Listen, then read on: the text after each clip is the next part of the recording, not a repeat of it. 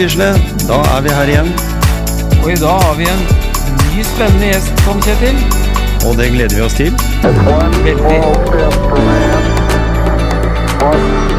Veldig.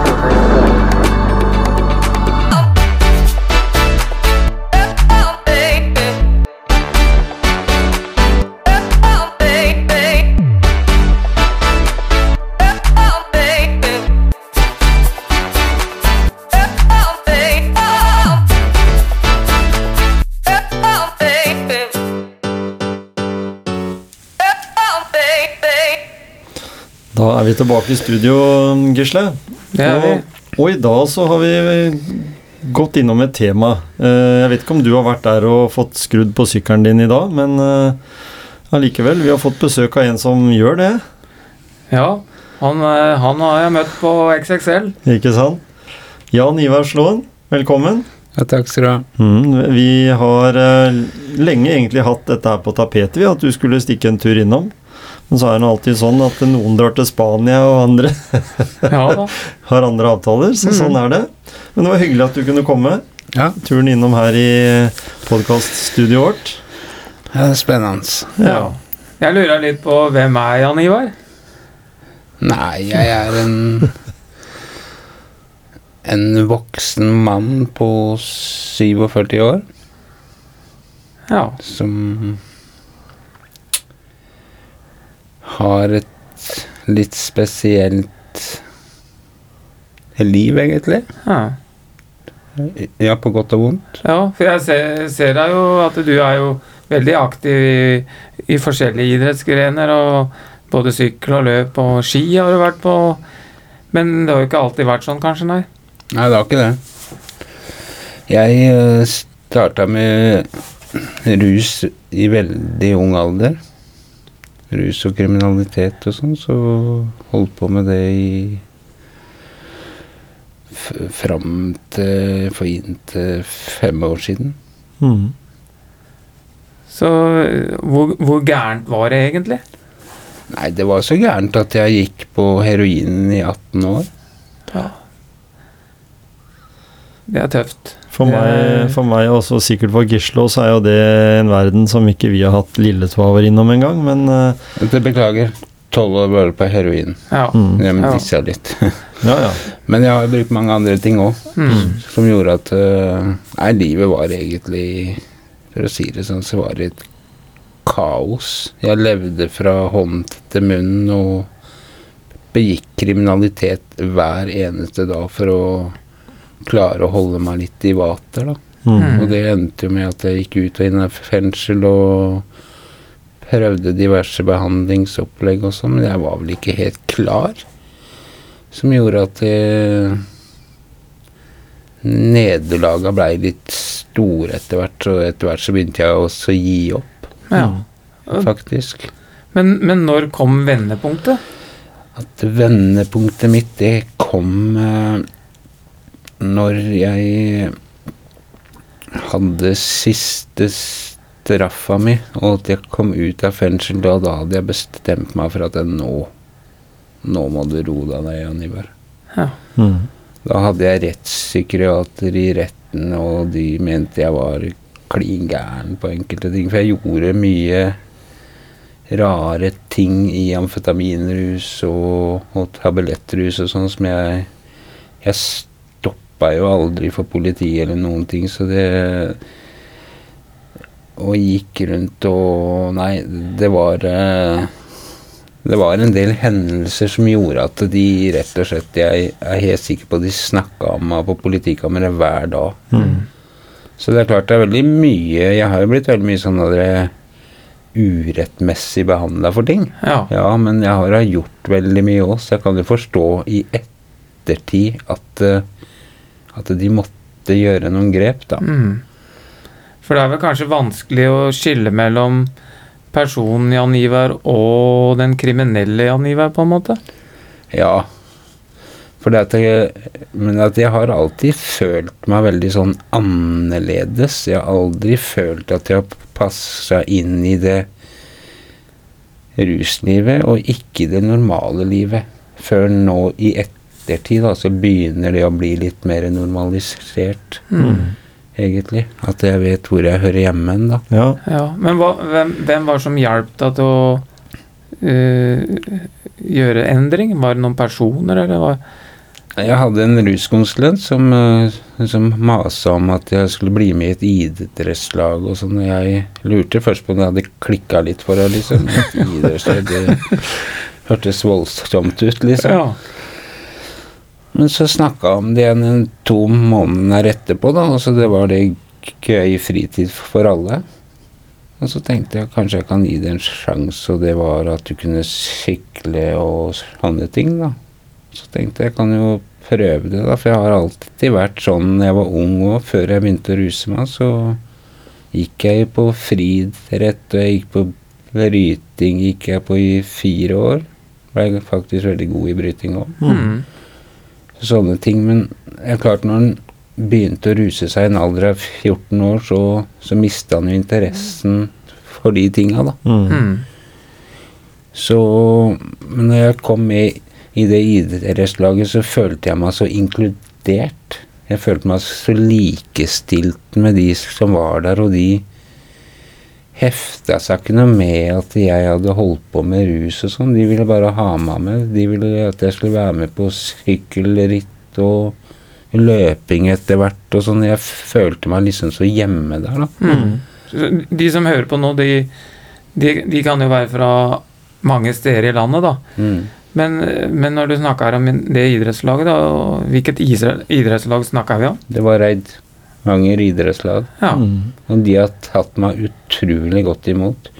Og jeg er så glad for å være en del av det, for det var liksom sånn at Ja, du vil ikke være med på det, og de ringer meg på privaten og vil ha meg med på ting. Og jeg husker jo helt i starten, så, så fikk jeg låne en tråsykkel.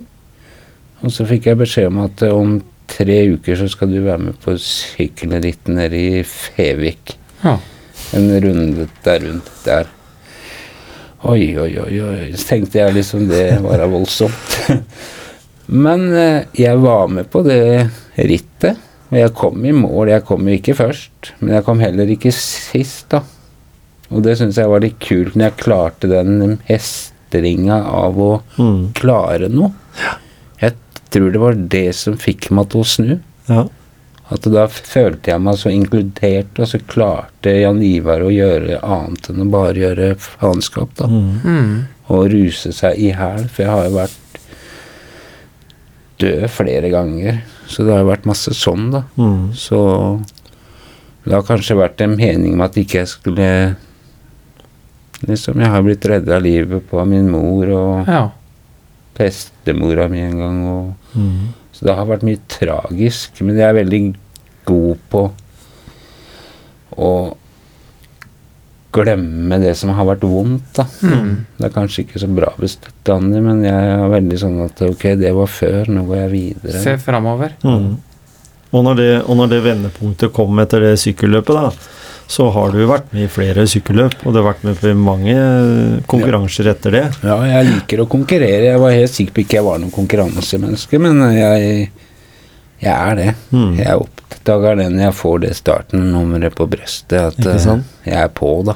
Men da, ja. da vil jeg bare spørre, er det litt av den samme følelsen Altså Nå tenker ikke jeg for å sammenligne med den rusfølelsen, men for min egen del, da, når, når, når du gjør en prestasjon og du er ordentlig motivert for det, både sånn i forkant, men også i selve konkurransen, da, Mm. at det blir en, på en måte en, et adrenalin, adrenalinkick på samme måten som, som det å ruse, at, det er en, over, at den har overtatt på en måte, den eh, Ja, det tror jeg. mm, Jeg tror faktisk at det, for at hvis du skal slutte å ruse deg Jeg har jo fått litt kunnskap etterpå i de der uh, huppene og sånn. Du får en kunnskap om åssen en skal leve rusfritt, da. mm, Så det er ikke bare å kutte ut en ting, du må felle det ut med noe annet.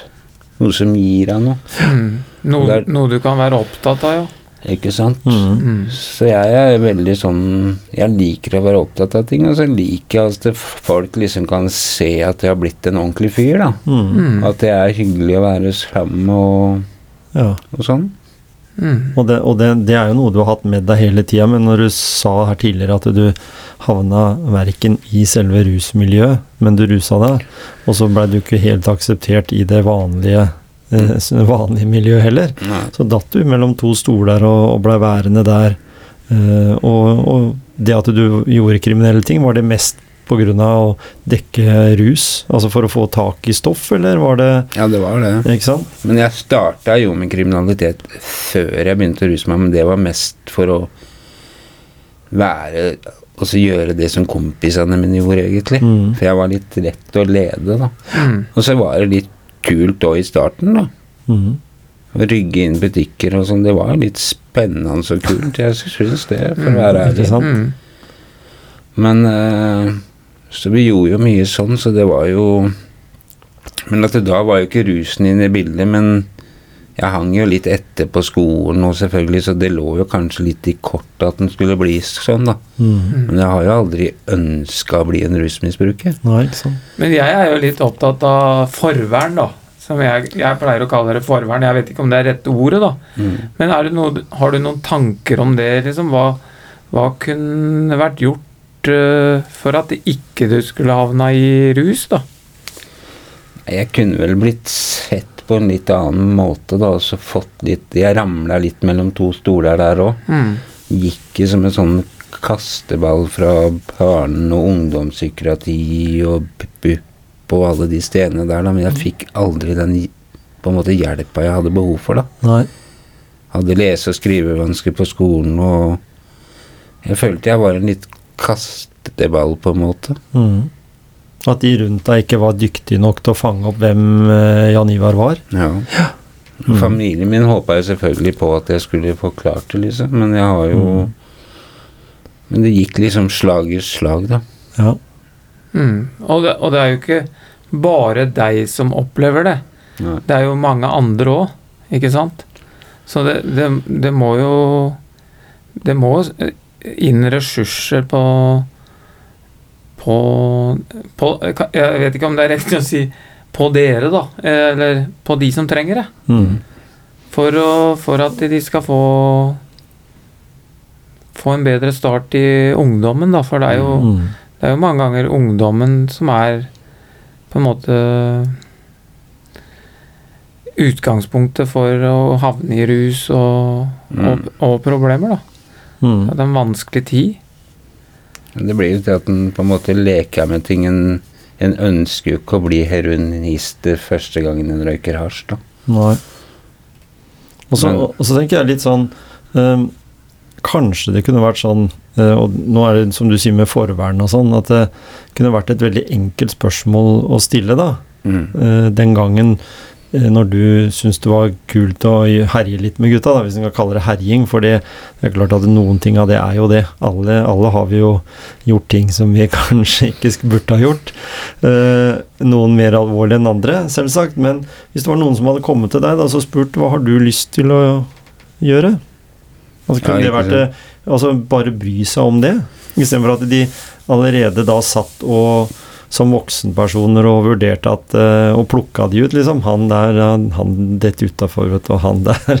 Og Ja, hun der, der, hun kommer til å få Altså det er vel, er vel litt sånn at en, at en kanskje tror at en er mye dyktigere til å peke ut folk, hvor folk havner hen. Isteden så skulle en vært så ærlig og enkelt og sagt at eh, Hva har du lyst til å bli når du blir stor, Jan Ivar? Ikke sant? Ja. Altså, det var vel det at den, at den ikke ble tatt tak i, da. ja. Og så var han jo Og så var jeg kanskje litt sånn en ekstrem utgave av Emil, da. Mhm. Ikke sant, hvis du skjønner? Mm. Så det er klart at det Men Jeg vet ikke, men eh, det Det er det å bli sett og sånn. Den blei jo ofte stempla som et problembarn veldig ung, da. Mm. Og på en måte da At det gjør ikke noe bedre når en blir litt eldre heller. Nei. Så jeg kan jo ikke skjelde på noe, men jeg mener jeg var litt for ung til å For du tar jo alltid et valg, men jeg føler jeg var litt for ung til å i hvert fall vite konsekvensene av valgene mine. Da. Mm. Det er det, vet du.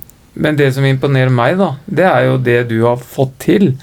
Og det du gjør for å hindre andre Eller informere andre og hjelpe andre til å ikke komme i den situasjonen, da. Mm. Fordi du holder jo litt foredrag eller prater med elever på skolen. Ja. Det gjør du. Eh, og der er du aktiv med eh, forskjellige organisasjoner i ryggen, eller er du der som privatperson? ja, som privatperson, og så er jeg der i forbindelse med ROT, da. Mm. Så det Det er litt som sånn miks av alt, egentlig. Mm. Og så får idrettslaget jeg med, og, og sånn. Jeg gjør det at jeg liker å kunne motivere unge og eldre Mm. til å bare vise at den er en kamerat. Mm. Og så prøve å packe opp folk på det de har lyst til. Ja. Det går jo an å prøve nye ting. Jeg hadde jo ikke begynt å løpe før jeg kom i idrettslag, men så prøver han noen nye ting, da, så liker han det òg, da. Mm. Og så heier jeg folk på på sidelinja, og så Og så får du den inspirasjonen, for det er ikke så mange som har heia på ofte på vårs, da. Nei. Jeg har i hvert fall ikke opplevd det. Nei, ikke sant? Og det er klart at det er veldig kult når folk står på sida at dæven, de var det der forute? Mm. Altså at de syns det er ålreit å være med det, da. Mm.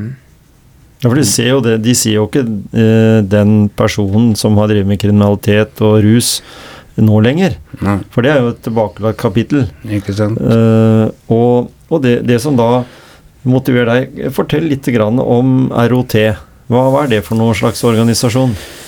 Det er en sjølhjelpsgruppe i Porsgrunn, og vi har faktisk starta opp i Notodden og oppe i Hamar og i Tønsberg når vi begynner å vokse og bli ganske store. Mm. Fordi at det Vi har veldig mange b- brukere, Mm. og det har ikke vært i så veldig mange år. Jeg kom inn der et halvt år etter jeg var med i idrettslaget. Ja. Så tenkte jeg det kunne være veldig ålreit å komme til sted og, og jobbe med det rusmessig òg, da. Den Mhm. ruspersonligheten Jan Ivar, liksom. Mm. Fordi at idrettslaget, de hadde ikke den kompetansen på rus, og det skal de heller ikke ha. De var interessert i å hjelpe deg til å trene og de Mhm. tinga der, og så og så starta jeg der, og så, og så var jeg med der lite grann. Og så ble jeg med i styret i ROT, og er med der ennå. ja. Og syns det er veldig ålreit å være med og bidra med åssen rot skal se ut i fremtiden, da. Mm. Nemlig. Det syns jeg er veldig ålreit, og det er veldig bra brukerorganisasjon. Mm. Og da går det jo litt på erfaringen din. Da blir, Mhm. det, da blir den erfaringen fra rus uh, brukt der, og hvordan du har greid å på en Mm. måte komme ut av, ut av den verden, da. Mm. Og gi det videre og prøve å motivere folk, da. Ja. Mm. Så det syns jeg er veldig spennende. Men er det en slags motivasjon for deg sjøl òg, og så Ja, hjelpe andre? Absolutt. Det er klart at det blir en motivasjon for deg sjøl òg. Mm. Når du hjelper andre, så hjelper du på en måte deg sjøl òg. Det er sånn jeg ser det. Mm. Mm. Og når vi snakker om Eidanger, så mm. vet vi også at eh, enkelte personer også i Eidanger har vært veldig knyttet opp imot Rocketman, som vi har hørt mye om på TV faktisk også nå de siste dagene. Mm. Eh, Du har hatt, eh, vært med litt der òg, eller i hvert fall vært engasjert, eller deler det en del på sosiale medier, ser jeg? Ja da, jeg deler det, for jeg syns det er et veldig bra greier. Men jeg er ikke med i Rocketman, Nei, for det er for de unge. Mm. Men jeg har vært med i Gøy fritid for alle. Ja. Men jeg er jo engasjert i det. Mm. Og det syns jeg er veldig ålreit å kunne se hva de har fått til. Ikke sant? Og det bygger jo på nettopp det der med å, å, å motivere eh, folk til å, å drive med noe. Blant annet Mm. sykling har jo vært veldig høyt prioritert i, i den, eh, både i det Eidanger-miljøet, men også i, i uh, Rocketman, da. Ja. Mm. Det er de gjør veldig mye kule ting, de, så det de redder en del liv fra starten. Ikke sant? Mm. Men, men når du starta opp i dag med sykling før- før- først, var det først sykling, eller? Ja, det var først Ja. sykling. Men hvordan var det med sykkel? Var det noe du hadde Nei, jeg hadde jo ikke noe sykkel, men Nei. jeg fikk lånesykkel. låne. Ja, så de har lånesykler der, eh, der Ja. oppe, da. Mm. Og det syns jeg er veldig ålreit. Og så fikk jeg utstyr sånn at jeg skulle være likeverdig deltaker som en annen en. Mm. Eller som en annen en som var i idrettslaget, utenom de ekstreme som skal ha de råeste. Ja. Ja, ja. Men at vi er en likestilt person, da. Mm. Som kommer der og ikke det er ja, noe annerledes. Og det Mhm. syns jeg var kult. Så vi reiste ned i sportsbutikken, og jeg fikk sko og trakta til Eidanger og sånn. Den syns jeg er veldig stas å ha på meg når jeg er ute og sykler. Mm. Ikke sant? Den er litt kry av når jeg er ute Ja. og sykler, faktisk. Ja, den Eidanger-drakta, den er bra. Den er fin å ha. Ja, ikke sant? Mhm. Og så er det liksom Du har jo kommet, du har jo kommet veldig langt, og, og du gjør jo så mye positivt ved å dra rundt og holde foredrag og sånn. Og så tenker jeg Har du fått noe tilbakemelding på og god respons på foredrag? Er det noen som kan komme til deg og si at, det- at du har gjort en forskjell for dem? Ja, jeg er jo ikke noe sånn der eh, foredrag som proffholder, liksom. Jeg bare prøver å fortelle historien min, da. Og det kom jo en som jeg hørte via den læreren som hadde som hadde ønska at jeg skulle komme dit, og at eh, han eleven Og han var blitt 18 år. Og så kom han til frøkna si, så sa han det at eh, At nå har jeg blitt 18 år, så nå kan jeg si det at eh, etter jeg hørte på Jan Nivar den gangen, så valgte jeg å legge rusen på hylla. For at nå kan jeg si det, for nå kan ikke du si det til foreldra mine. Og når jeg fikk den tilbakemeldinga, mm. jeg må jo si det ga en inspirasjon til å At hvis en kan redde det én, så er det kjempebra. Ja. Mm. Så det, det må jo gi deg en motivasjon at, og, at du får tilbakemelding på at du er en god motivator, da, for å si det sånn. Ja. Mm. Og det var utrolig hyggelig. og Jeg mener Og det tror jeg på, men jeg hører jo sånn at de har jo sånn pensum om det på skolen, for at jeg har jo på en måte sånn Når jeg snakka på skolen, så kan jeg snakke om ulike ting òg. Om Mm. kriminalitet og utenforskap og alle de tinga, for jeg har vært imellom det. Mm. Og så følt litt på det. Det er jo ikke bare rusgreiene. Det er jo alt å ikke føle seg bra nok og føle seg annerledes og de tinga der. Så jeg kan jo snakke om mange temaer som Mm. vi har på skolen, da. Mm. Sånn som om en uke så skal jeg jo snakke om kriminalitet, og det kan jeg mye om. Ja.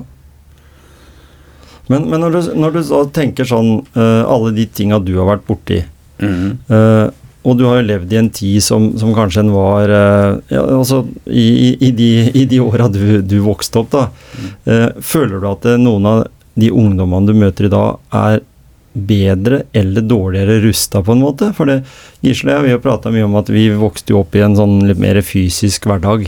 Det var jo Mm. mer Det var jo ikke sosiale medier, vi hadde ikke mobiltelefon, og mange sånne ting. Og i dag så når jo folk hverandre på en helt annen måte. Altså en kan jo eh, gjøre avtaler om rus eller overlevering av, av stoff, ikke sant. Eller en kan avtale kriminelle handlinger via SMS. Og Snapchat. Ja, Snapchat og sånne ting. Der Eh, tar de p- bilde av weeden og hasjen og sånn, at det bare Jeg har inne nå, og så er det bilde av weeden i forskjellige fasonger og sånn, og det er klart Å få det bildet for de ungdommene, det er klart de blir frista. Mm. Så det er veldig lett tilgjengelig, da. Ja, og nå har det- stoffene kanskje blitt enda tøffere òg, eller kanskje litt sånn farligere òg, kanskje. Det har blitt mye syntetiske stoffer. Jeg husker når jeg holdt på, da var det liksom øh, at det vanlige lå Hypnol, tabletter og valium og heroin og amfetamin og, og hasj, da. Mm. Men hasjen i dag og åssen den var før, er jo to forskjellige verdener, da. Mm. Så det er jo mer syntetiske stoffer som kommer på markedet. Og sånn GHP og fentanyl og sånt, det det var ikke på min tid, heldigvis. Ja, ikke sant? At ikke jeg fikk utforska de tinga. Det var jo ille nok å gå på heroin, så jeg skal ikke Men jeg er veldig glad jeg ikke er ung i dag på én måte. Men på en Mm. annen måte så skulle jeg jo ønske det var det, så jeg kanskje kunne gjort ting annerledes, da. Og da kan vi si at det arbeidet du gjør nå med informasjon og hjelpe andre, det, det er jo enda viktigere nå enn det ville vært når du holdt på, egentlig, da. Ja, for vi hadde jo ikke noen som kom på skolene våre og snakka om rus og sånn. Vi hadde ikke det. Nei. Men jeg syns det er veldig viktig å motivere ungdommen. Da. Mm. Jeg Ja. har et veldig engasjement, ikke bare Ikke sant? men voksne folk som ønsker å også kutte ut òg. Det er derfor jeg er med i de sjølhjelpsgruppene og med i styret der, og Mm. for å prøve å gjøre en forskjell. da. Vi utvider stadig og Mm. Men hva, hva sier du til de som, som er godt voksne, da, som har holdt på, som, som har sett at du har kommet ut av det, og du har jo erfaring med det, og hva, hva sier du til de? Sier du at det er vanskelig, eller at det er lettere enn du trodde, eller er det noe du kan si til de?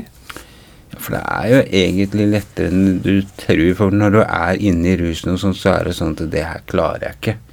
Men sånn etter hvert som jeg så egentlig hvor enkelt det var, hvis en bare har folk rundt deg og har den medmenneskeligheten, da. Mm. Jeg tror det er den medmenneskeligheten å bare ha en som vi kan ringe til, ta en kopp kaffe med, gjøre Trene med og sånne ting, som Mm. gjør at du blir akseptert og godtatt. da. Mm. Mm. Ja, for, for, du, for du har jo vært veldig engasjert i, i det med Altså når du begynte med syklinga i Eidanger, Mm. så har du drevet med løping, og du har jo pressa deg sjøl på idrettsbanen.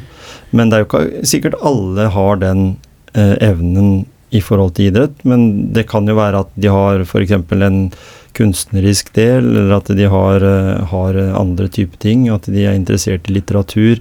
Det er jo bare å bli motivert til å kunne gyve løs på den interessen de egentlig har. Mm. Bare så, gjøre noe annet, ja. Ja, ikke sant? Også, Og du, du har jo slitt med det at du ikke føler at du har blitt akseptert da, eller sånn i ungdomstida.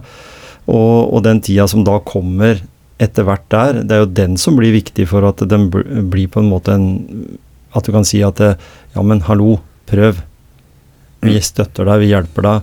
At det kanskje burde vært flere sånne Eidanger-miljøer, men innen kultur og innen forskjellige uh, innen, Det kan være noen som er kjempeflinke på film, radio, podkast. Det er mange sånne ting som en kan utvikle, og alt gir jo et, på en måte et kick.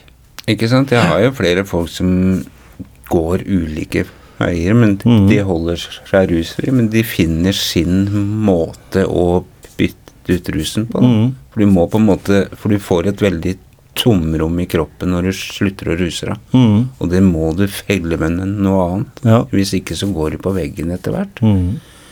Og det er klart at det da Og da blir det ikke noe bra, da.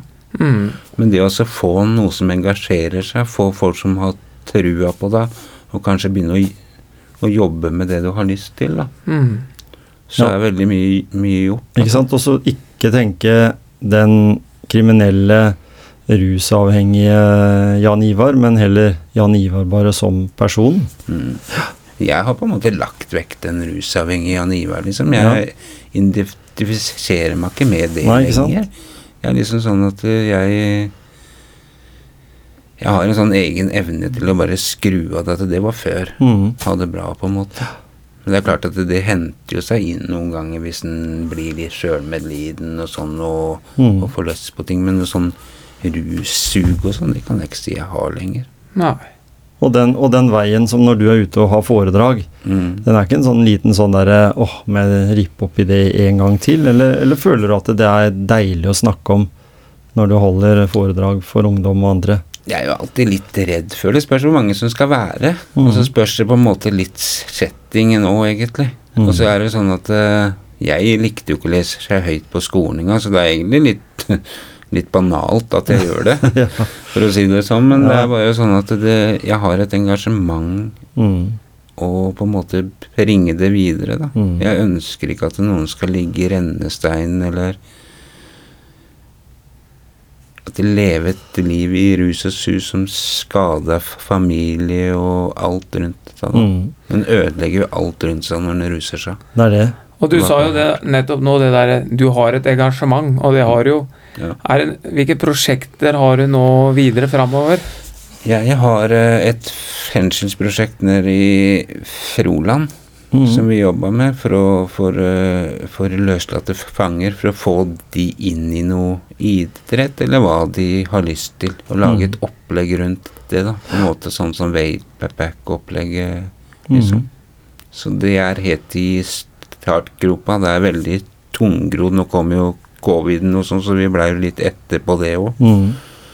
Og det er sånn som jeg syns er spennende, så der skal jeg bli erfaringskonsulent, da. Ja, Så det er litt kult.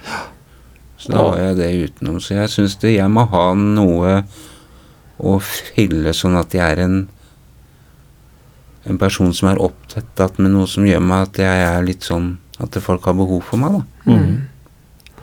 Og det sportslige, åssen er ser det ut framover?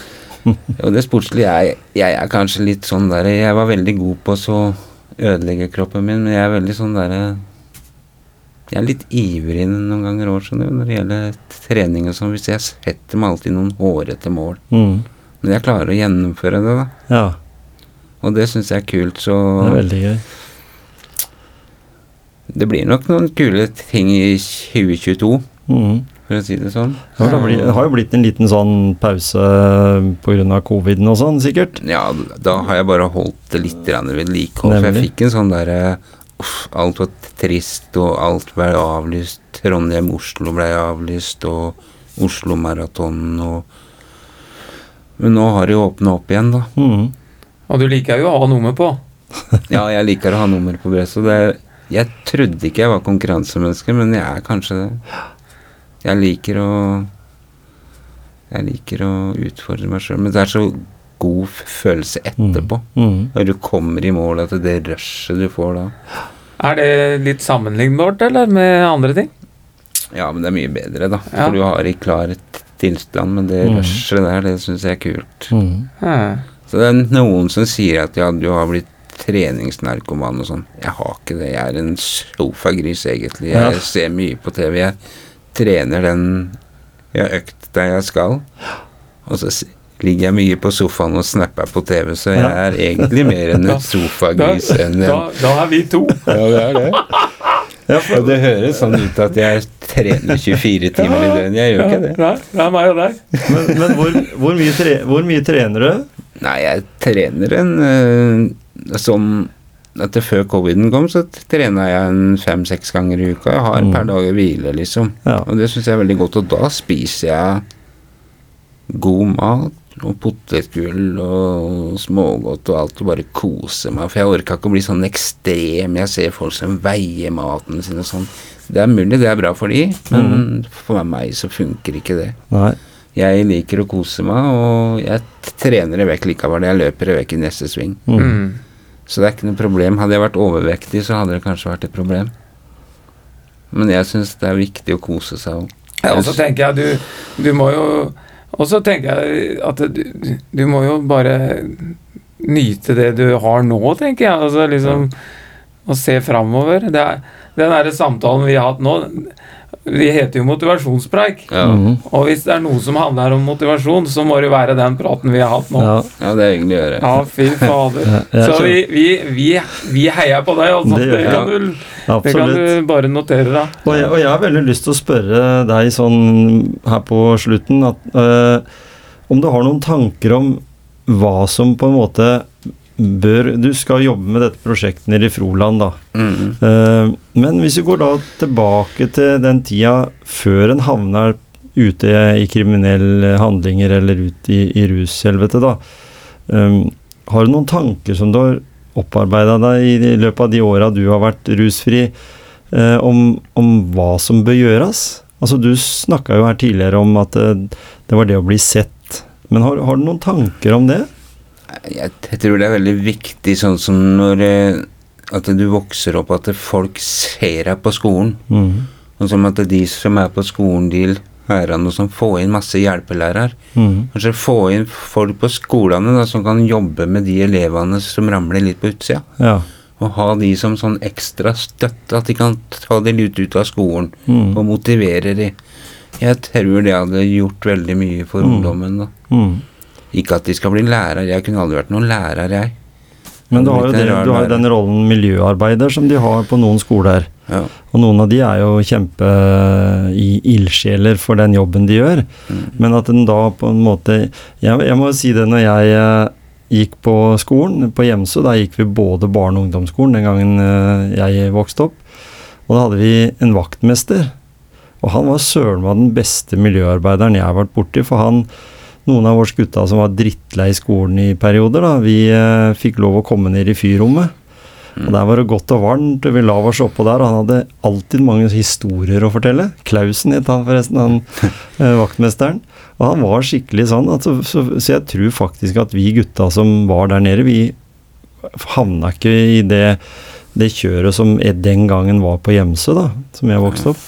Så, så jeg, vi kan kanskje takke han for at vi holdt oss på fotballen, og, og at vi var liksom aktive istedenfor at vi havna ut eh, og begynte å drikke og sånn. Så En vet aldri, men det er en sånn tanke jeg har hatt etter at jeg snakka med, med deg nå, så plutselig så poppa det opp at søren heller, vi hang jo på fyrrommet. Men, men da det, det sier jo igjen at dere hadde en som brydde seg Ja, om dere. Han gjorde det. Mm. Og det, det er jo det du sier. Oss sett, noen da. som bryr deg. Mm. For det er klart at hvis den, har, hvis den ramler ut på skolen og ikke klarer å konsentrere seg sånn, så trenger den kanskje bare å ha en som at den kan gjøre noe annet. da. Mm. Litt rann, og så å få en litt annen Mm. type hjelp, så vil den kanskje blitt litt mer lykkes til slutt. da. Ja. Mm. Og en annen ting, og nå har de jo starta opp De har ikke starta opp så mye ennå, men de bruker litt erfaringskonsulenter faktisk på Nav òg. Mm. At de har faktisk tidligere rusmisbrukere. Jeg vet om to stykker som jobber i en i Porsgrunn og en i Skien. Mm. Og de er med der og bidrar med kompetansen sin. Da. Ikke sant? Og det virker veldig bra, tror jeg. Det tror jeg jo, for det er jo veldig mange av de som er egentlig kanskje interessert i For jobb har jo mye å si. Det har Mm. noe å gjøre Mm. har jo veldig mye å si. Det har det sikkert for deg òg, Ja, med de engasjementene du har. Og den jobben på XXL også gjør jo at du går all in der, vil jeg tro. Ja, der går jeg all in. Ja. Og det syns jeg For det er så hyggelig arbeidsmiljø der. Og det er liksom sånn Jeg blir ikke sett på som en rusmisbruker. Nei, ikke sant. Liksom, jeg blir sett på som en hyggelig kollega å være med. Mm. Mm. Og vi ler sammen, og det er Jeg var livredd jeg, for å begynne å jobbe ute. Ja. Spesielt i butikk. Er du gæren? Mm. Jeg var så redd jeg, for det der. Ja. Men så klarte ruskonsulenten min å motivere meg. Jeg tror at du kan jobbe i butikk, liksom. Ja. Så folk er liksom sånn De ser kanskje ting jeg ikke ser, da.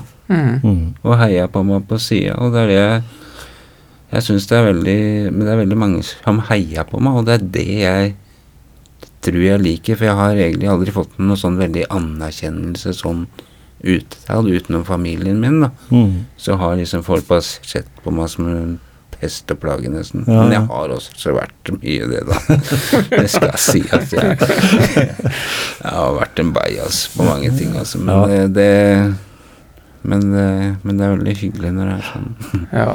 Veldig, veldig gøy å snakke med deg, Jan Ivar. Eh, ikke sant, Gisle? Jo, Dette ja, det er helt toppers. Det er så flott. prat. Det er så flott. Og det er ikke umulig at uh, du dukker opp i en seinere episode i Motivasjonspreik, for vi skal nok snakke mer med deg når du begynner å komme i gang igjen Mm. med det her uh, konkurransen og sånt nå. Ja, det er hyggelig. Mm. Jeg kommer gjerne igjen.